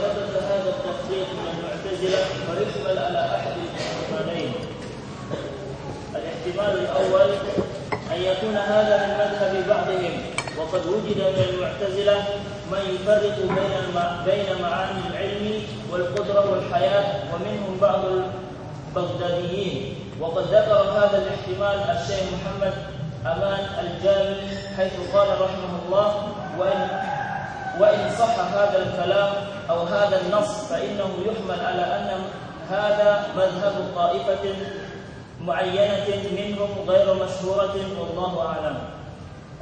والاحتمال الثاني أن تفريق أن تفريقهم بين الصفات الذاتية والصفات الفعلية لم لا يلزم أن يكون لهم إثبات أي صفة لأنهم قد يثبتون الصفات لفظا لا معنى قائلين بأنها مجاز Sekarang Kok bisa mereka menetapkan ada bedanya sifat zatiyah dan sifat fi'liyah sementara mereka tidak menetapkan sifat? Ada dua ihtimal, ada dua kemungkinan. Kemungkinan pertama bahwasanya ada sebagian Mu'tazilah yang memang menetapkan sifat. Sebagaimana sebagian Mu'tazilah dari Baghdad. Mu'tazilah banyak kelompoknya di antara kelompok-kelompok yang banyak tersebut entah 20 kelompoknya di antara 20 kelompok tersebut ada sebagian yang menetapkan sifat sebagaimana disebutkan oleh Abu Hasan Al-Asy'ari ternyata di antara kaum Mu'tazilah ada yang membedakan antara yufarriqu baina ma'anil ilmi wal qudrati wal hayat ada yang membedakan oh ilmu itu beda dengan kudrah kudrah itu beda dengan hayat tidak menyamakan seluruhnya seperti Asami Al-Basir tidak tapi dia mengatakan kelompok ini mengatakan al ilmu itu bukan kudrah dan kudrah bukan hayat berarti ada penetapan sebagian sifat kemungkinan mereka menetapkan sifat minimal yang harus ada pada Tuhan. Paham? Sifat minimal yang harus ada Tuhan tidak boleh lebih ya atau maksimal. Sifat maksimal yang harus ada Tuhan yaitu ada ilmunya, ada kudrohnya harus hidup supaya bisa jadi pencipta. Paham tidak? Harus punya ilmu, harus punya kudroh, harus punya hayat, baru bisa jadi pencipta. Nah, oleh karenanya tatkala ada sebagian dari kelompok Mu'tazilah yang menetapkan sebagian sifat, maka mungkin mereka membagi sifat menjadi sifat zatiyah dan sifat fi'liyah. Ini kemungkinan pertama. Adapun kemungkinan kedua, dan ini kemungkinan lebih kuat, bahwasanya Mu'tazilah seluruh kelompok Mu'tazilah mereka menolak sifat-sifat. Adapun mereka mengatakan sifat zatiyah, sifat fi'liyah itu hanyalah majaz saja. Mereka tidak tidak melazimkan bahwasanya mereka menetapkan sifat-sifat. Contohnya di sini, famasalan Inna min madhabihim kaunal Qur'ani makhluqan. Di antara madhab uh, Mu'attilah uh, atau Al-Mu'tazilah mereka mengatakan Al-Qur'an itu makhluk. Dan mereka mengatakan bahwasanya Al-Qur'an kalamullah hakikatan. Dalam buku-buku mereka mereka mengatakan Al-Qur'an kalamullah hakikatan. Al-Qur'an itu kalamullah secara hakikat. Dan kalamullah sifatun min sifatillahi al-fi'liyah dan kalam Allah adalah sifat dari sifat-sifat fi'liyah. Akan tapi yang dimaksud dengan sifat fi'liyah menurut mereka bukan yang sebagaimana kita pahami. Yang kita pahami sifat fi'liyah adalah sifat yang dilakukan oleh Allah Subhanahu wa taala. Namun mereka mengatakan sifat fi'liyah adalah makhluk ciptaan Allah Subhanahu wa taala. Paham? Tatkala orang-orang Mu'tazilah mereka mengatakan Al-Qur'an makhluk. Namun mereka terkadang mengungkapkan dengan ungkapan yang lain yang lembut tapi menipu kata mereka Al-Qur'an kalamullah dan kalamullah sifat Allah Subhanahu wa taala sifat fi'liyah kata mereka apa maksud Anda mengatakan sifat fi'liyah maksudnya sifat fi'liyah itu sifat yang diciptakan oleh Allah Subhanahu wa taala paham jadi sifat itu ber, yang fasil itu terpisah dari zat Allah Subhanahu wa taala dan dengan kita kita saja kita kalau ngomong sifatul kalam kita tidak terpisah dari zat kita ucapan saya tidak ngomong sendiri enggak tapi yang berbicara mulut saya. Jadi kalam itu berbicara berada dalam zat saya dan saya yang melakukannya. Demikian juga Allah Subhanahu wa taala Allah Subhanahu wa taala sifatul kalam yang berbicara Allah Subhanahu wa taala dan sifat tersebut berada di zat Allah Subhanahu wa taala. Ini menurut ahlu sunnah. Adapun menurut Mu'tazilah, sifatul kalam adalah sifat yang Allah ciptakan. Allah ciptakan ada omongan di hawa. Ada omongan yang terlepas dari apa? Dari zat Allah Subhanahu wa taala yang dianggap makhluk oleh oleh mereka.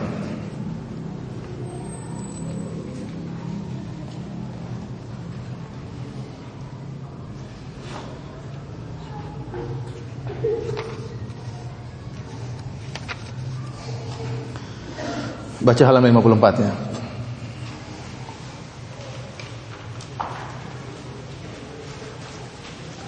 Sampai di sini ada yang bertanya sebelum kita lanjutkan?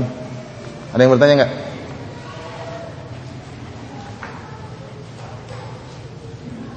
Nggak tahu apa yang mau ditanyakan? Hmm.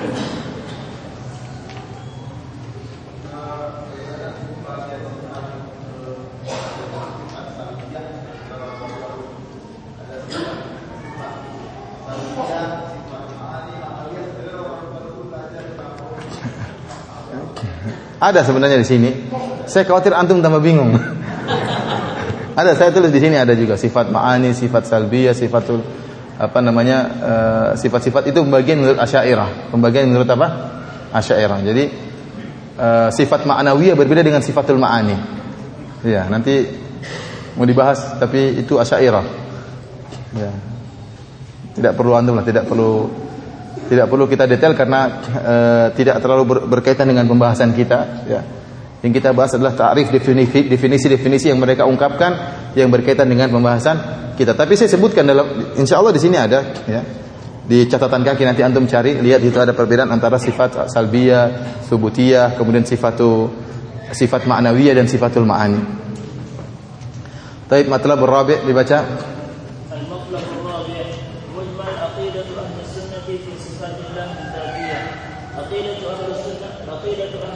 Ini refreshing ya. Kalau tadi tentang akidah ahlul bid'ah, sekarang kita baca akidah ahlu ahlu sunnah.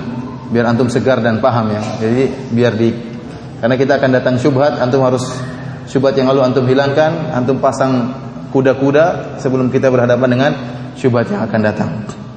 Baca.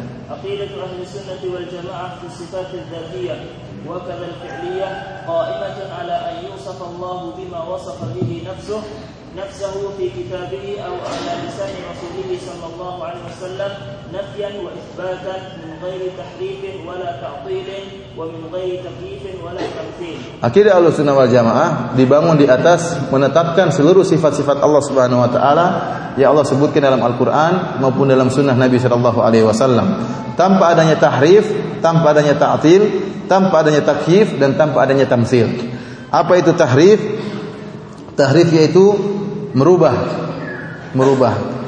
Tahrif ada dua. Ada merubah huruf dan ada merubah apa? Makna. Kalau merubah huruf tentunya orang tidak berani merubah Al-Qur'an. Ya tidak. Mereka tidak berani. Tidak merubah, tidak berani merubah Al-Qur'an. Tetapi yang mereka rubah adalah makna. Contohnya istawa kata mereka apa? Is istaula contohnya mereka mengatakan wa kallamallahu Musa taklima. Jadi Musa taklima kata mereka Artinya sungguh Musa benar-benar berbicara dengan Allah. Kalau kita sungguh Allah benar-benar berbicara denganmu Musa tapi mereka palingkan ya yang seharusnya Musa di situ mansub sebagai maf'ul bih tetapi mereka rubah Musa menjadi fa'il dan Allah menjadi maf maf'ul bih. Yang harusnya wa kallamallahu Musa taklima mereka rubah harokatnya kata mereka wa kallamallaha Musa tak taklima. Jadi Musa benar-benar berbicara dengan apa? Yang dirubah apanya ini? Harokatnya. Yang dirubah apa? Harokat. Harusnya wa kallamallahu Allahu marfu sebagai fa'il ya, sebagai subjek dirubah menjadi maf'ul menjadi objek yang artinya akhirnya berubah menjadi dan sungguh benar-benar Musa berbicara dengan Allah Subhanahu wa taala. Kalau yang berbicara Musa kepada Allah tidak ada istimewanya, kita pun bisa berbicara dengan dengan Allah. Justru Musa dikatakan kalimullah karena memiliki kekhususan Allah berbicara langsung dengan Nabi Nabi Musa alaihissalam. Namun mereka tidak bisa berbuat tatkala datang firman Allah wa kallamahu rabbuhu. Wa kallamahu rabbuhu. Tidak mungkin dirubah menjadi wa kallamahu rabbahu. Karena ini ngawur kalau dirubah menjadi wakallamahu rabbahu. Ini yang ngerti cuma yang tahu bahasa Arab ya. Yang tidak ada bahasa Arab cuma cengar-cengir aja. Jadi tahrif bisa dengan merubah huruf atau merubah dengan apa? Merubah harokat. Namun ini jarang terjadi karena barang saya merubah harokat ya, atau merubah huruf bisa kafir terang-terangan terhadap Al-Quran. Akhirnya mereka merubah apa? Makna. Maknanya jadi istawa menjadi apa? Is istaula. Jadi perubahan. Wala ta'til. Akidah Ahlussunnah menolak namanya tahrif. Dan akidah Ahlussunnah juga menolak namanya ta'til yaitu menolak ta'til yaitu menolak sifat-sifat Allah. Karena akidah Ahlussunnah menetapkan adanya sifat-sifat Allah. Demikian juga min ghairi takyif. Dan Ahlussunnah wal Jamaah tidak membagaimanakan sifat-sifat Allah Subhanahu wa taala. Wala tamtsil dan tidak menyamakan sifat-sifat Allah Subhanahu wa taala. Siapa yang tahu bedanya takyif dengan tamtsil? Ada yang tahu? Katanya Ahlussunnah wal Jamaah menetapkan sifat Allah tanpa takyif dan tanpa tamsil. Apa bedanya tamsil dengan takyif? Ada yang tahu enggak? Hah? Kalau tamsil? Ah, ya. Kalau takyif membagaimanakan, kalau tamsil menyerupakan dengan se sesuatu. Jadi tamsil itu lebih khusus membagaimanakan tapi seperti se sesuatu seperti orang-orang musyabbiha yang mereka mengatakan tangan Allah seperti tangan saya atau Allah turun sebagaimana turunnya saya. Ini berarti mentamsil menyerupakan Allah dengan apa? Dengan manusia. Adapun takif membagaimanakan. Takif tidak boleh kita membagaimanakan sifat-sifat Allah kalau tidak ada dalilnya. Kita mengatakan, oh tangan Allah begini, begini, begini, wajah Allah begini, begini, tanpa dalil. Tidak boleh. Karena kita akhirnya membayangkan sesuatu yang tidak ada sesuatu yang tidak benar. Dan ingatlah Allah Subhanahu wa taala berfirman dalam Al-Qur'an, "Laisa kamitslihi syai'un wa huwa samiul basir." Tidak ada sesuatu pun yang serupa dengan Allah Subhanahu wa taala dan Dia Maha mendengar lagi Maha melihat. Dan kita tahu bahwasanya syai'un di sini nakirah ya. Dan dalam kaidah usul fikih bahwasanya nakirah jika datang dalam konteks penafian atau konteks syarat memberikan faedah umum yang artinya tidak ada sesuatu pun apa pun juga yang serupa dengan Allah Subhanahu wa taala. Artinya apa? Apa saja yang antum pikirkan, yang antum khayalkan, yang antum renungkan tentang Allah pasti salah, pasti keliru. Apa yang mungkin begini tangannya ini pasti keliru. Karena kata Allah tidak ada sesuatu pun yang serupa dengan dengan Allah apa pun juga. Oleh karena kalau ada bayangan-bayangan timbul maka antum bilang ini keliru pasti. Ini pasti apa? Pasti keliru. Kita hanya boleh mentakhif bagaimana bagaimana sifat Allah sesuai dengan yang dijelaskan oleh oleh siapa? Oleh Nabi sallallahu alaihi wasallam. Contohnya Nabi sallallahu alaihi wasallam menjelaskan tentang apa? Tentang uh, wajah Allah Subhanahu wa taala. Bahwasanya wajah Allah Subhanahu wa taala memiliki cahaya yang keluar dari wajah Allah Subhanahu wa taala. Kita bilang wajah Allah bercahaya. Lebih dari itu kita tidak tahu bagaimana. Contohnya Rasulullah SAW atau Allah menjelaskan tentang tangan Allah, bahwasanya tangan Allah bisa menggenggam wal ardu jami'an qabdatuhu yaumal qiyamah. Pada hari kiamat kelak seluruh bumi akan di dalam genggaman Allah Subhanahu wa taala. Was samawati matwiyatun bi dan langit-langit seluruhnya akan dilipat oleh tangan kanan Allah Subhanahu wa taala. Contohnya juga dalam hal disebutkan bahwasanya tangan Allah ada jarinya. Kita hanya tahu sebatas itu, lebih dari itu kita tidak tidak tahu. Tidak boleh kita membagi-bagimanakan, tidak boleh kita menghayalkan karena pasti keliru.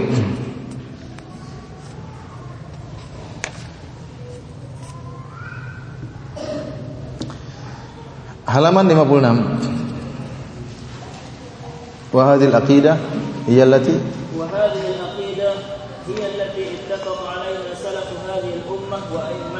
Akidah yang disebutkan oleh Ibnu Taimiyah bahwasanya menetapkan seluruh sifat-sifat Allah Subhanahu wa taala yang datang dalam Al-Qur'an maupun dalam As-Sunnah itulah akidah Ahlussunnah wal Jamaah dan ini disepakati oleh para ulama dari empat mazhab seluruhnya jadi bukan akidah karya Ibnu Taimiyah. Jangan sampai seorang menyangka ini akidah karya Ibnu Taimiyah. Tidak, sebelum Ibnu Taimiyah pun mereka sudah menjelaskan tentang akidah Ahlu Sunnah wal Jamaah. Contohnya seperti Ibnu Abdul Bar. Ibnu Abdul Bar ya e, kalau tidak salah di abad keempat atau abad kelima dari Madzhab Malikiyah. Dia mengatakan apa? وقد نقل ابن عبد البر رحمه الله إجماع أهل السنة إجماع أهل السنة على هذه العقيدة قال رحمه الله أهل السنة مجمعون على الإقرار بالصفات الواردة كلها, كلها في القرآن والسنة والإيمان بها وحملها على الحقيقة لا على المجاز إلا أنهم لا يكيفون شيئا من ذلك ولا يحدون فيه صفة صفة محصورة. وأما أهل البدع والجهمية والمعتزلة كلها والخوارج فكلهم ينكرها ولا ولا ولا يحمل شيئا منها على الحقيقة ويزعمون أن من أقر بها مشبه. مشبه. وهم عند هم؟ مشبه. وهم عند عند من أثبتها نافون لل- للمعبود والحق فيما قاله القائلون بما نطق به كتاب الله وسنة رسوله وهم أئمة الجماعة والحمد لله Ibnu Abdul Bar menyebutkan ijma. Kata dia bahwasanya ahlu sunnah bersepakat untuk mengakui sifat-sifat Allah yang datang dalam Al-Quran seluruhnya maupun dalam As-Sunnah dan beriman dengan sifat-sifat tersebut dan membawa sifat-sifat tersebut pada makna hakikat bukan majaz. hanya saja mereka tidak mentakif dan tidak membatasi dengan sifat tertentu. Adapun ahlul bidah seperti Jahmiyah, Mu'tazilah, Khawarij maka mereka mengingkari sifat-sifat Allah dan mereka tidak membawa sifat tersebut pada makna hakikat, yang hakikat, yang hakikah. Dan mereka menyangka bahwa orang siapa yang membawakan makna sifat Allah pada makna yang hakikat itu adalah musyabbih. Ini Ibnu Abdul Bar menukil adanya ijma tentang akidah Ahlussunnah sebagaimana yang kita pahami. Setelah itu saya sebutkan tentang penukilan dari empat mazhab seperti Al-Imam Abu Hanifah dia mengatakan walahu yadun wa wajhun wa nafsun Allah memiliki tangan, memiliki wajah. Demikian juga saya nukilkan dari Imam Malik tatkala ditanya tentang kaifal istawa kata Imam Malik al-istiwa'u ghairu majhul. Istiwa dipahami maknanya. Wal kaifu ghairu ma'qul. Adapun bagaimana istiwanya Allah maka tidak bisa dipikirkan. Wal imanu bihi wajib dan beriman kepada hal ini adalah wajib. Wa su'alu anhu bid'ah dan bertanya tentang bagaimananya istiwa itu adalah merupakan bid'ah. Demikian juga perkataan Imam Syafi'i dan juga perkataan Al-Imam Ahmad rahimahullah. Intinya akidah yang dijelaskan oleh Syekhul Islam Ibnu Taimiyah merupakan akidah yang disepakati merupakan ijma' Ahlus Sunnah wal Jamaah dan itu merupakan akidah Al-Imam Abu Hanifah dan juga Al-Imam Malik dan juga Al-Imam Asy-Syafi'i dan juga Al-Imam Ahmad rahimahullahu taala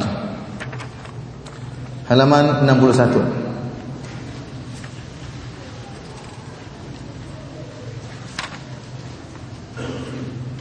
Atau uh, langsung langsung saja ya. Halaman 65. Biar cepat selesai. Ini belum masuk syubhat. المطلب الخامس عقيدة المعطلة في الصفات الذاتية أولا عقيدة الجهمية مذهب الجهمية قائم على تعطيل الأسماء والصفات كلها Uh, saya ringkaskan saja halaman 65. Sekarang kita bahas tentang akidah Al-Mu'attilah tentang sifat Zatiyah. Adapun Jahmiyah, tadi akidahnya apa Jahmiyah? Menolak seluruh sifat dan apa? Dan asma. Asma dan sifat semuanya di ditolak. Kalau Mu'tazilah halaman 69 biar cepat. kalau Mu'tazilah apa? Menolak seluruh sifat, menetapkan apa? Makna. Tetapi menetapkan makna maksudnya gimana? Makna tersebut semuanya sinonim. Semuanya apa? Sinonim maknanya Allah. As-Sami sama dengan Al-Basir, Al-Basir sama Al-Qadir. Tidak ada mengandung makna. Karena karena kalau Al-Qadir mengandung makna kudrah, melazimkan Allah punya sifat kudrah dan mereka tidak mau demikian.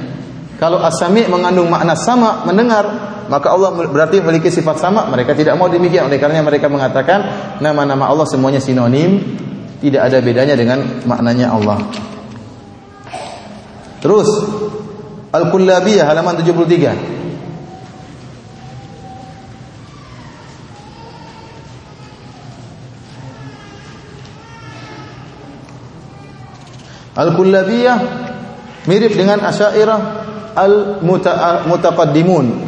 Dia menetapkan seluruh sifat-sifat zatiyah dan menolak sifat-sifat fi'liyah.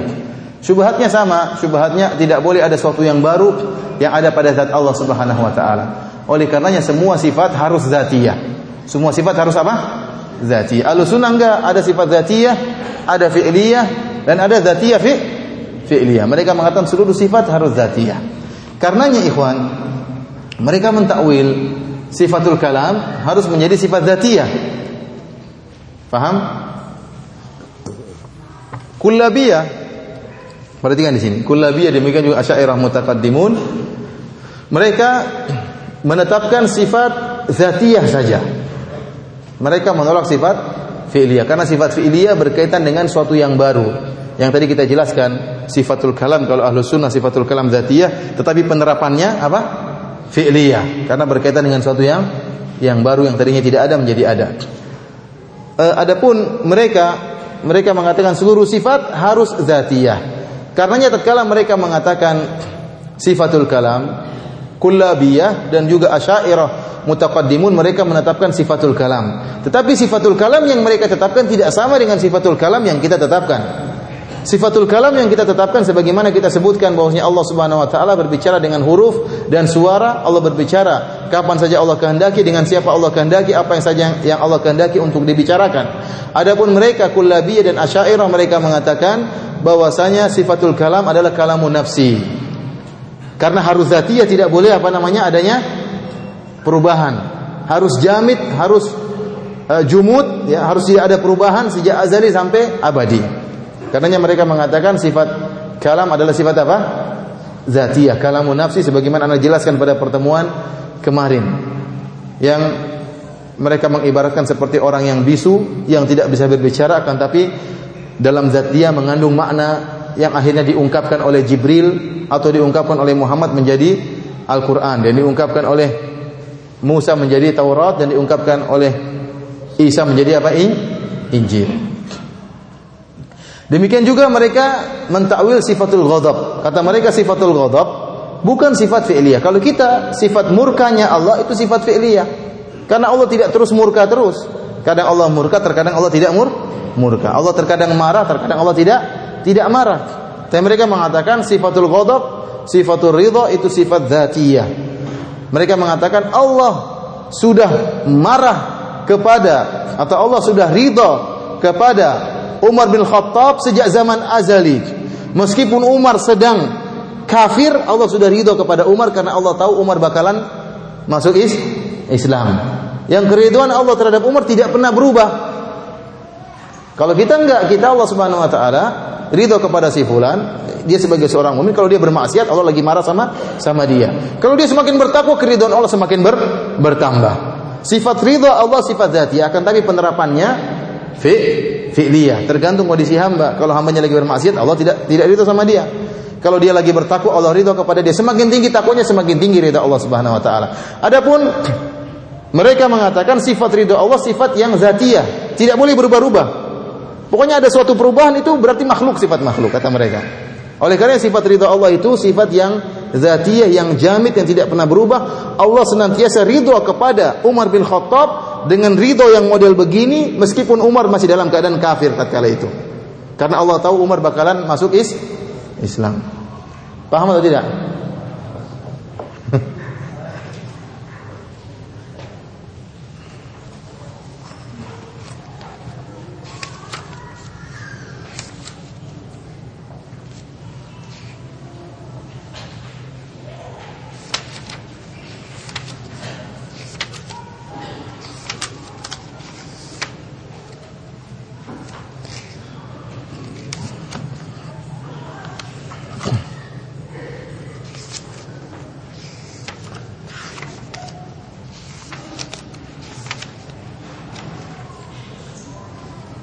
Yang tadi bertanya tentang sifat ma'ani bisa lihat di halaman 96 97 ya di situ ada anak jelaskan sifat ma'nawiyah, sifatul ma'ani ya. 96 sampai 90 97.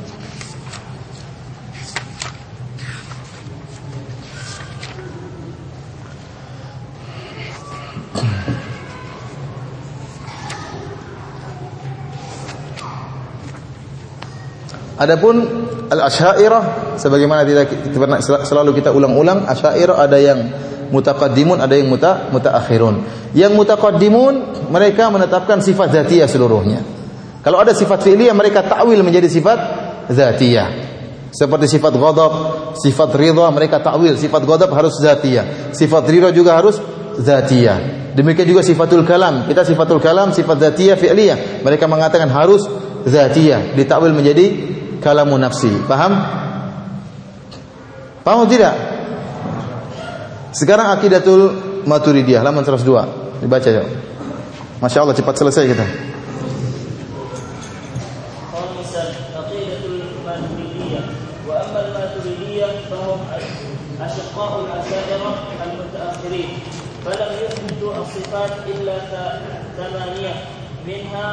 بزيادة صفة التكوين على صفات السبع على الصفات السبع التي أثبتها الأشاعرة واعلم أن مما يخالف فيه فيه الماتريدية الأشاعرة كون الأشاعرة يرون أن صفات الفعل أن صفات الفعلية حادثة لا قديمة أزلية. وأما الماتريدية فيرون أن صفات كل أن صفات كلها ذاتية أزلية. قال Al-Ghaznawi. قال الغزنوي Halaman halaman surat hal- halaman 104 coba. Wa min huna ومن هنا زاد الماتريدية التكوين صفة ثامنة على الصفات السبعة التي كلها ذاتية فصفة التكوين عند الماتريدية ذاتية dzatiyatun. ذاتية تقوم بالذات ولا بد أن تقوم بالذات لكون الله يكون الأشياء إجماعا فصفات الأفعال كالإماتة والإحياء والتصوير وغيرها عندهم ترجع إلى صفة التكوين الذاتية القديمة وقال Intinya ikhwan ya eh, saya sebenarnya ingin berpanjang lebar tapi nggak enak juga ya. Intinya pokoknya mereka sesat semuanya.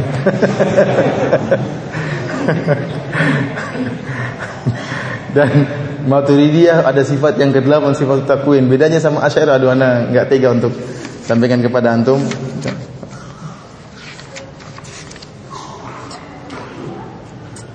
Sampai di sini insya Allah ya paham ya karena insya Allah pertemuan besok kita akan bahas usul syubhat. Besok yang penting perang yang paling hakiki adalah besok ya harus konsentrasi penuh. Insya Allah apa yang kita sampaikan pada hari ini eh, cukup. Kalau ada yang bertanya saya persilahkan. Besok insya Allah kita ada empat syubhat ya syubhat usuliyah yang akan kita bahas minimal kita bahas satu ya. Kalau bisa bahas empat empatnya alhamdulillah ya. Tapi memang agak berat karena perlu konsentrasi penuh besok ya. Oleh karenanya besok eh, harus datang dengan konsentrasi penuh, jangan ngantuk kalau perlu minum vitamin ya. Karena anak khawatir kalau antum ngantuk, antum nanti kena syubhat, jawabannya tidak tahu. Ada yang bertanya? Hmm, silakan.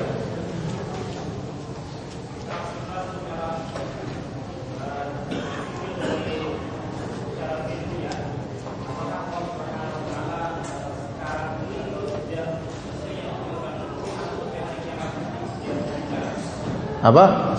Kenapa? Dekat-dekat sini, dekat sini.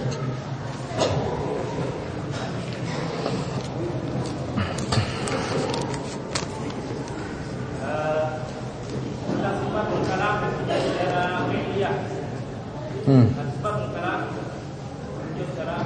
Hmm.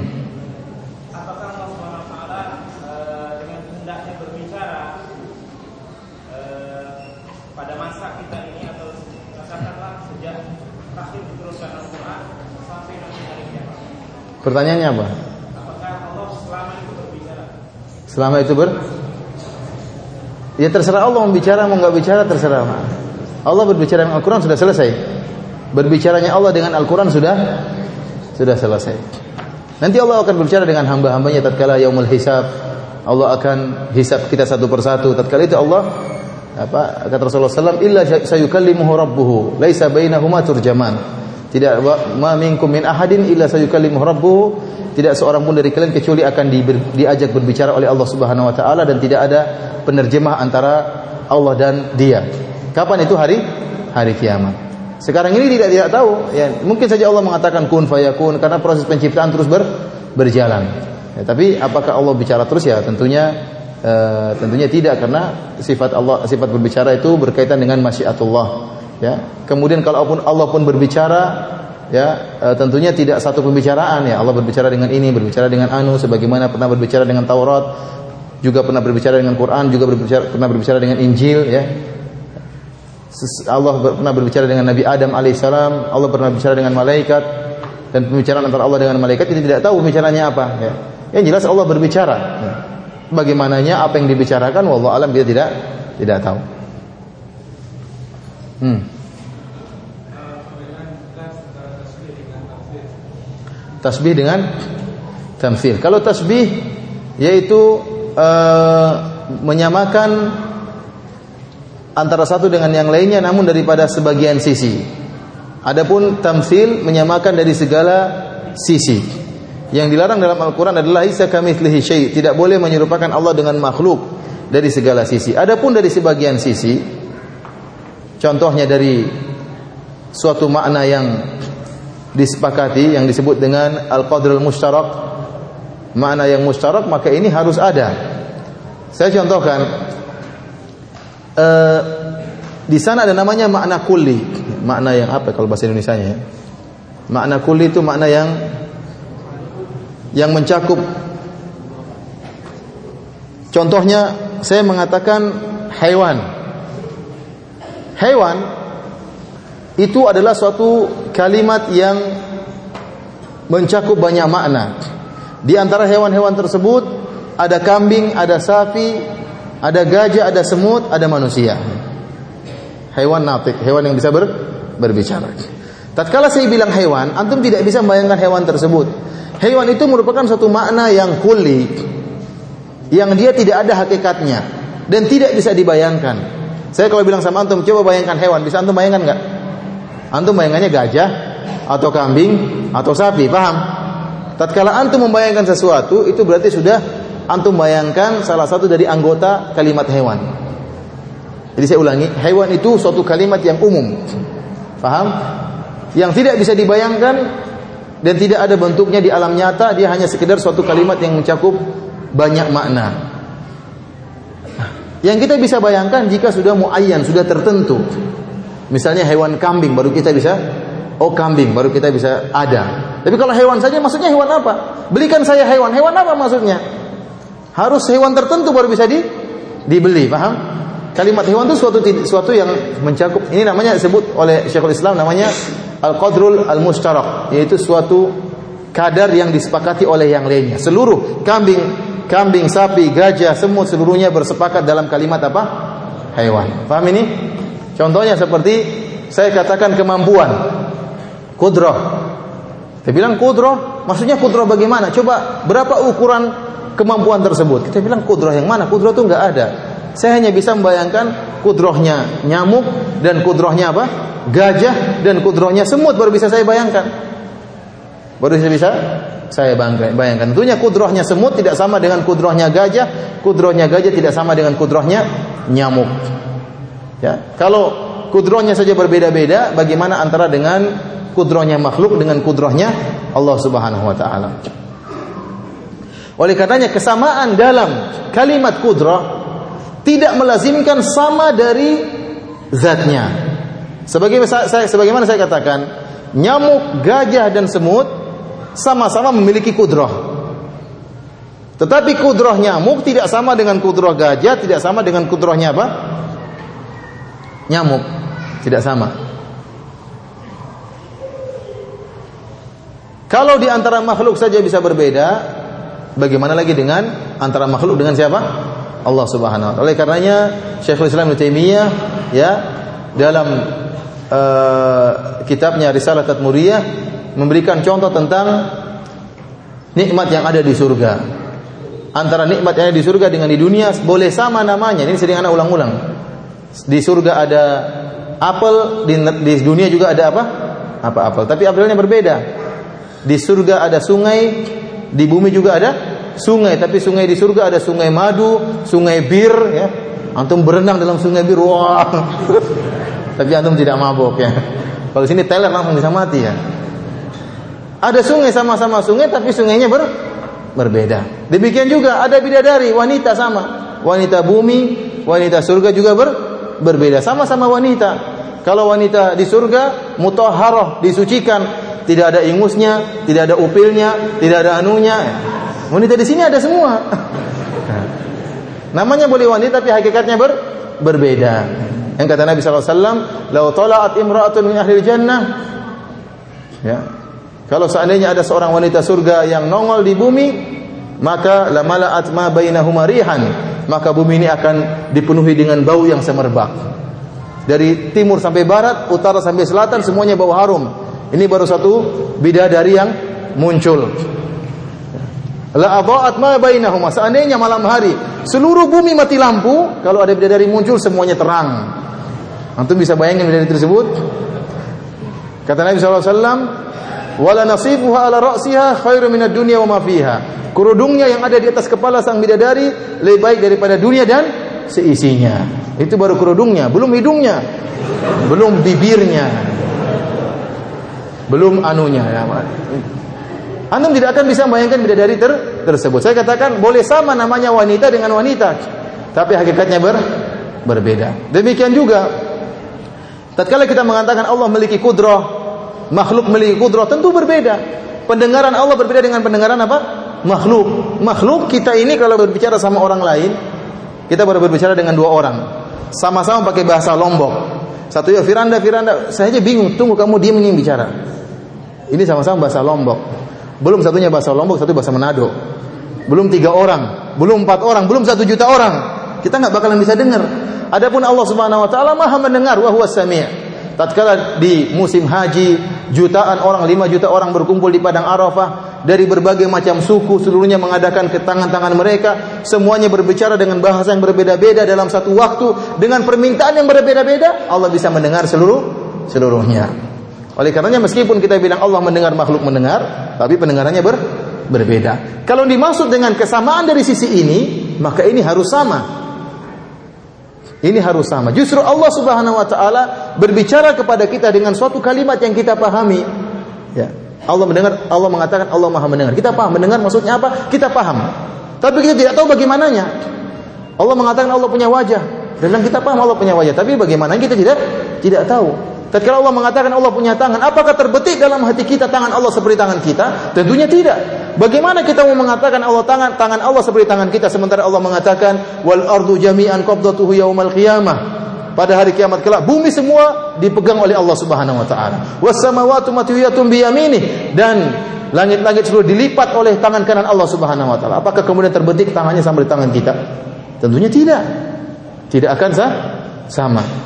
Nabi SAW pernah mengatakan wa kana sami'an basira. Nabi memberi isyarat. Dan Allah Subhanahu wa taala Maha mendengar lagi Maha melihat. Bukan Nabi menyamakan mata Allah dengan mata kita, tidak. Tapi Nabi menekankan bahwasanya Allah benar-benar melihat dan benar-benar apa? Men mendengar.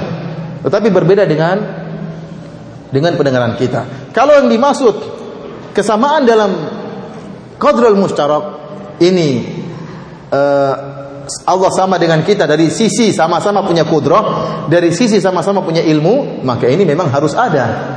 Ini tasbih yang harus ada. Kalau tidak kita tidak bakalan paham tentang sifat-sifat Allah Subhanahu wa taala. Tapi kalau maksudnya ilmu Allah seperti ilmu kita, maka ini yang tamsil, penyerupaan ini yang tidak boleh. Ini yang syirik. Menyamakan tangan Allah seperti tangan kita, pendengaran Allah seperti pendengaran kita, ini adalah yang syirik yang tidak di, diperbolehkan. Jadi itulah bedanya antara tasbih antara tasbih dengan tamthil. Tasbih adalah menyamakan dari satu sisi yaitu sisi dari qatrul musyarak dari sisi makna yang mujmal, yang kuli, yang global ya bukan dari sisi uh, kesamaan hakikat dari uh, sesuatu tersebut. Hmm. berapa?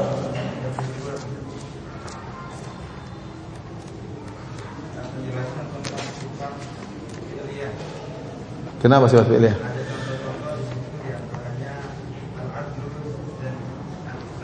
Wa tafaddul wal in'am. Iya. Ah, ya ini ini ini ini ini adalah perkataan dari uh, orang-orang Asy'ariyah. Ya, mereka mengatakan adil merupakan sifat fi'liyah. Terkadang Allah adil kepada si fulan, terkadang Allah zalim kepada si si fulan. Kalau kita Ahlus Sunnah tidak. Ahlus Sunnah Allah tidak pernah zalim. Allah senantiasa apa? Adil. Orang Asy'ariyah mengatakan, kalau Allah Subhanahu wa taala mengazab seluruh makhluk tanpa sebab, ya. Kalau Allah mengazab Nabi Muhammad yang telah beribadah kepada Allah, Allah tetap saja adil. Semua yang terjadi itu adil menurut mereka, ya. Jadi apa pun yang dilakukan oleh Allah mendolimi si fulan, mendolimi si fulan menurut mereka itu apa? Ah? Adil. Adapun kita Ahlussunnah mengatakan tidak demikian. Ya. Allah tidak mungkin mendolimi apa para para hamba ya. Ini menurut Asy'ariyah ya. Jadi kita tidak mengikuti keyakinan mereka. Adapun al-ihsan benar Allah terkadang berbuat ihsan kepada si fulan, terkadang tidak berihsan kepada si si fulan. Sampai di sini saja insyaallah uh, kajian kita pada hari ini. Insyaallah kita lanjutkan pada kesempatan terakhir besok besok hari ya. Wabillahi taufiq walhidayah. Assalamualaikum warahmatullahi wabarakatuh.